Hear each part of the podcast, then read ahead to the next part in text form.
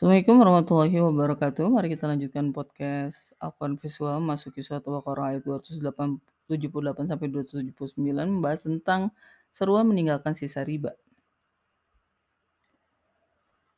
Kita lihat dulu sekilas apa yang telah dibahas di kedua ketiga ayat sebelumnya yaitu ayat 275 sampai 277 yaitu membahas tentang karakteristik orang-orang yang memakan riba yaitu mereka tidak dapat berdiri tegak kecuali seperti berdiri yang membabi buta dari sentuhan setan karena mereka berkata bahwa jual beli atau tawar menawar semisal riba dan dihalalkan Allah eh, jual beli dan diharamkan Allah riba maka dari orang yang telah datang peringatan darinya, dia menahan diri, maka apa yang telah berlalu dan urusannya pada Allah. Dan dari orang yang mengulangi, maka mereka itu sahabat neraka, mereka akan dalamnya kekal.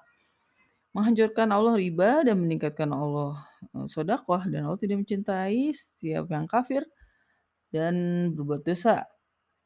Memang orang-orang yang telah beriman, telah beramal soleh dan memberikan sholat, memberikan zakat bagi mereka pahala dari sisi mereka, dari Rob mereka dan tidak takut atas mereka dan tidak mereka bersedih hati. Ini adalah pembahasan tentang karakteristik orang yang memakan riba, mereka itu tidak bisa berdiri tegak karena itu kan um, kita tuh selalu minta petunjuk dalam surat Al-Fatihah untuk diberikan jalan yang lurus tegak dalam konteks bahwa kita tuh hidup di dunia itu dengan teguh gitu ya, dengan yakin, dengan benar. Nah, orang-orang yang makan riba itu tidak bisa berdiri dengan teguh gitu, seperti orang yang kesetanan atau kepanasan gitu ya, selalu tidak bisa diam. Seperti itu karakteristik dasarnya. Apakah itu sebuah permisalan atau itu kenyataannya begitu? Misalnya mereka karena selalu takut dan cemas gitu ya, mereka selalu gelisah. Nah, seperti itu gitu. Ini yang dibahas di ayat 275 sampai ayat 277, suatu pernyataan-pernyataan bahwa bagi Allah tidak sama riba dengan jual beli, lalu juga Allah menghancurkan riba dan meningkatkan sodakoh dan menggantikan semua itu dengan keimanan kata dan juga mendirikan sholat dan memberikan zakat. Lalu apa yang dibahas di ayat 278 sampai 279 surah Al-Baqarah kita bacakan dulu kedua ayat ini. A'udzu billahi minasyaitonir rajim. Ya ayyuhalladzina amanu taqullaha dharu ma baqiya minal minar riba in kuntum mu'minin. Wahai orang-orang yang beriman, bertakwa Allah dan menyerah atau meninggalkan apa yang tersisa dari riba jika kamu orang yang beriman. Kita bacakan ayat 279-nya. Fa illam taf'alu fa'danu biharbim minallahi wa rasulihi tubatum falakum ru'usu amwalikum la tadlimuna wa la tudlamun. Maka jika kamu lakukan, jika tidak kamu lakukan, maka mereka diinformasikan dari sebuah perang dari Allah dan Rasulnya. Maka jika kamu bertobat, bagi kamu kepala. Hartamu tidaklah mereka zolim dan tidak mereka akan dizolimi. Kita akan lihat kata dan frasa yang telah muncul sebelumnya pada kedua ayat ini agar pemahaman kita lebih mendalam. Kita lihat dari frasa ya yuhalladzina amanu. Frasa ini sebelumnya terdapat di ayat 267 merujuk pada seruan berinfak. Pada ayat ini merujuk pada seruan untuk bertakwa Allah dan meninggalkan riba. Jadi masih berkaitan dengan seruan infak ya. Kita tahu lawan dari riba itu sendiri adalah sodakoh. Lalu takullah, fasa ini sebelumnya terdapat di ayat 233 dikaitkan dengan seruan menyusui anak walaupun dalam perceraian. Pada ayat ini dikaitkan dengan seruan meninggalkan riba. Frasa ini dimaknai takwa Allah atau takut Allah. Apa itu takut? Allah, apa itu takwa? Ya, masih panjangnya pembahasan tentang hal ini, tapi intinya adalah sesuatu yang berkaitan dengan mengikuti apa yang telah Allah gariskan. Lalu kata selanjutnya wadaru kata ini dimaknai meninggalkan atau menyerah. Sebelumnya terdapat di ayat 240 merujuk pada perintah membuat wasiat bagi yang wafat meninggalkan pasangan selama setahun tanpa mengeluarkan dari rumah. Jadi ini jelas dikaitkan dengan riba. Lalu kata selanjutnya adalah bakia. Kata ini ter, dimaknai tersisa. Sebelumnya terdapat di ayat 248 merujuk kepada peninggalan keluarga Musa dan Harun berkaitan dengan tabut. Pada ayat ini dikaitkan dengan riba. Meninggalkan apa yang eee, apa, tersisa dari riba. Kata riba sendiri dimaknai riba masih merupakan kelanjutan dari pembahasan di ayat 275, 276 membahas tentang diharamkan dan dihancurkannya riba. Pada ayat ini seruannya meninggalkan sisa riba. Karena kita tahu ya riba itu panjang durasinya gitu, jadi nggak, eee, meminjamkan dalam waktu yang panjang, makanya masih ada pasti ya ketika turunnya perintah masih ada sisa riba yang tertinggal. In kuntum mu'minin, pasal ini dimaknai jika kamu beriman sebelumnya terdapat di ayat 248 seperti kata tersisa sebelumnya. Apa korelasi kedua ayat ini? Ayat e, sebelumnya membahas tentang diangkatnya Taulut menjadi raja walaupun tidak memiliki kelimpahan harta. Jadi ayat 248 ini sama ya, masih ada kaitannya dengan kata sebelumnya bakia. Jadi ada dua ada uh, dua kata atau dua frasa yang berkaitan dengan ayat 248. Jadi apakah ayat 278 ini ada kaitannya dengan ayat 248?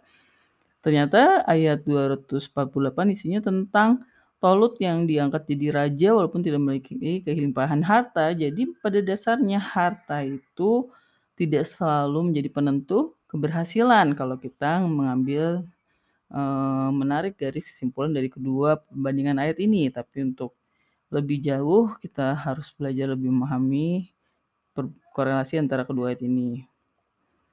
Lalu di ayat 279-nya, frasa pertama adalah fa'il lam tafa'alu. Frasa ini dalam bentukan yang sama persis sebelumnya terdapat di ayat 24. Merujuk pada tantangan pada orang yang meragukan Al-Quran untuk mendatangkan surat semisalnya dan saksi selain Allah. Jadi fa'ilam tafa'alu ini karena kita tadi sudah dihubungkan dengan kata in mu'minin sama seperti di ayat 23 surat Al-Baqarahnya ya.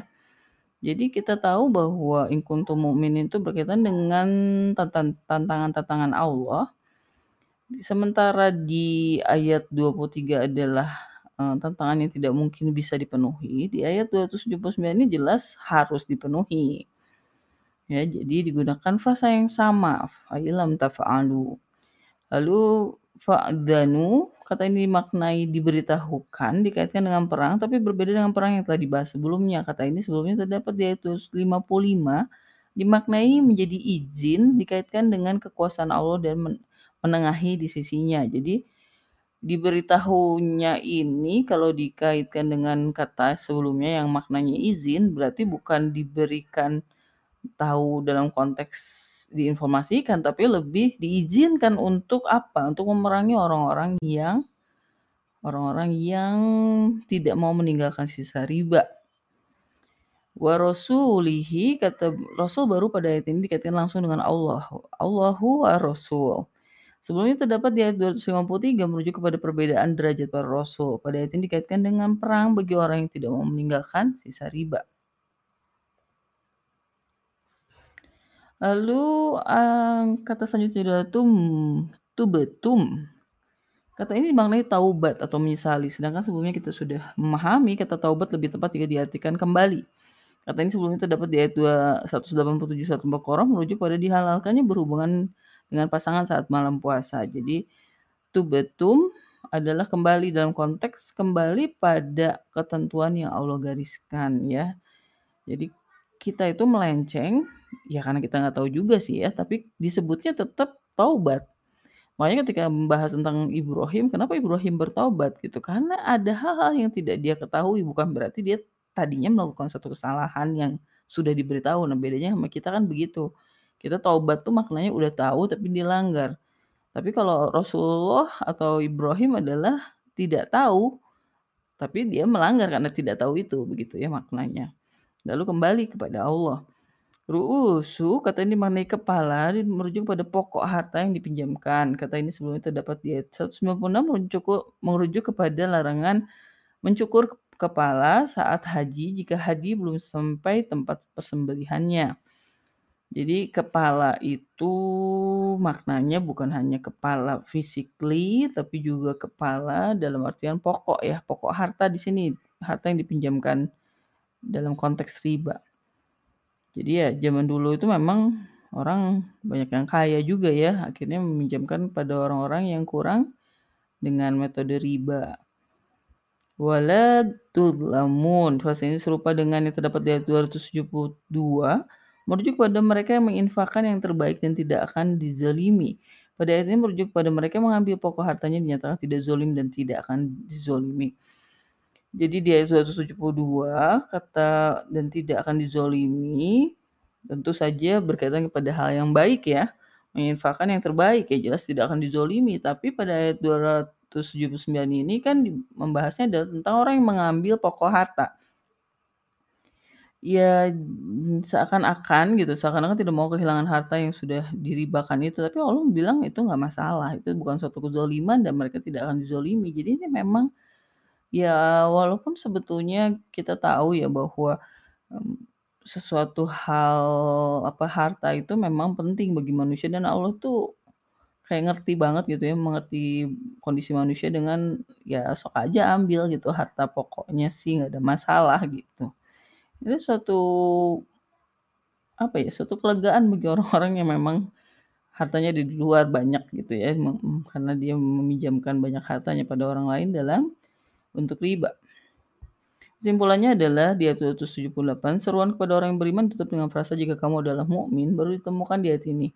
Kita tahu bahwa frasa ini merupakan frasa penutup untuk sebuah tantangan dari Allah, maka seruan untuk meninggalkan sisa riba bukanlah seruan yang mudah dan efeknya sangat besar pada keimanan. Di ayat 279, ancaman dari mereka yang tidak memenuhi seruan Allah berupa tantangan adalah diperangi walaupun kita belum bisa memahami makna diperangi pada ayat ini seperti apa. Karena menggunakan kata yang berbeda dengan ayat sebelumnya yang membahas peperangan atau pembunuhan. Cara bertobat dalam urusan riba adalah hanya mengambil pokok hartanya saja. Jadi memang masalah riba ini masih menjadi polemik ya eh, di dunia kita sekarang dan masih banyak ulama yang bingung memperbolehkan atau tidak. Tapi kalau eh, saya membaca ayat-ayat riba ini yang saya ambil kesimpulan bahwa memang fokusnya adalah mereka yang memberikan riba ya. Bukan mereka yang mengambil riba, walaupun para mufasir ada juga yang menyatakan bahwa orang yang terkait dengan urusan riba itu juga masalah, termasuk yang mengambil ribanya. Ya, tapi walaupun karena kita juga paham bahwa ketika Allah membahas tentang sodakoh, berarti kan membahasnya adalah orang yang punya harta.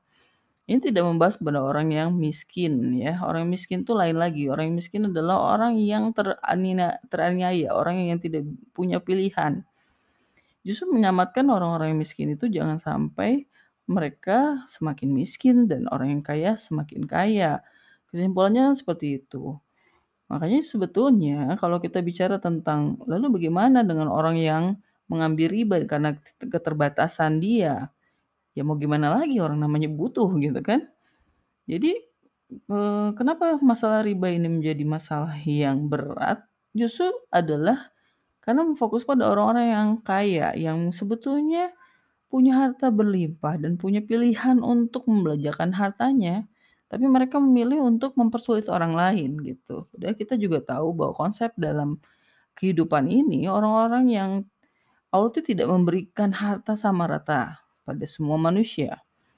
Maka mengubah Eh, konsep ini adalah ya harus personal ya, personal orang yang punya hartanya itu sendiri, bagaimana mereka menyikapi harta dan bersikap pada orang-orang yang miskin. Nah, kalau jadi kalau bisa jadi orang misalnya Indonesia, Indonesia sendiri adalah negara yang miskin, bisa dikategorikan berkembang tapi juga setengah miskin misalnya, dan lalu berhutang, ya memang kita punya pilihan apa gitu. Tapi kalau kita merasa bahwa kita kaya lalu kita memberikan apa, mengambil riba atau memakan riba, itu yang jadi masalah gitu. Nah, bagaimana kita mengubah eh, hmm, sistem perekonomian menjadi tidak riba sementara semua negara sudah menggunakan sistem riba, ya ini adalah suatu hal yang terus harus kita pelajari gitu. Bagaimana caranya agar eh, kita bisa terlepas dari kemiskinan ya, sehingga ketika kita miskin kita akhirnya berhutang. Ketika kita berhutang, kita terlibat riba. Nah, bagaimana caranya biar kita tidak menjadi miskin? Nah, ini harus terus dipelajari dan bagaimana kita memperbaiki um, keadaan finansial kita ya, baik pribadi maupun juga orang Islam keseluruhan, negara juga seperti itu. Ini harus harus terus kita pelajari. Sebelum kita tutup pembahasan keti kedua ayat ini, kita bacakan lagi surat Al-Baqarah ayat 278 sampai ayat 279. A'udzu billahi minasyaitonir rajim. يا أيها الذين آمنوا اتقوا الله وذروا ما بقي من الربا إن كنتم مؤمنين فإن لم تفعلوا فأذنوا بحرب من الله ورسوله وإن تبتم فلكم رؤوس أموالكم لا تظلمون ولا تظلمون صدق الله العظيم Assalamualaikum warahmatullahi wabarakatuh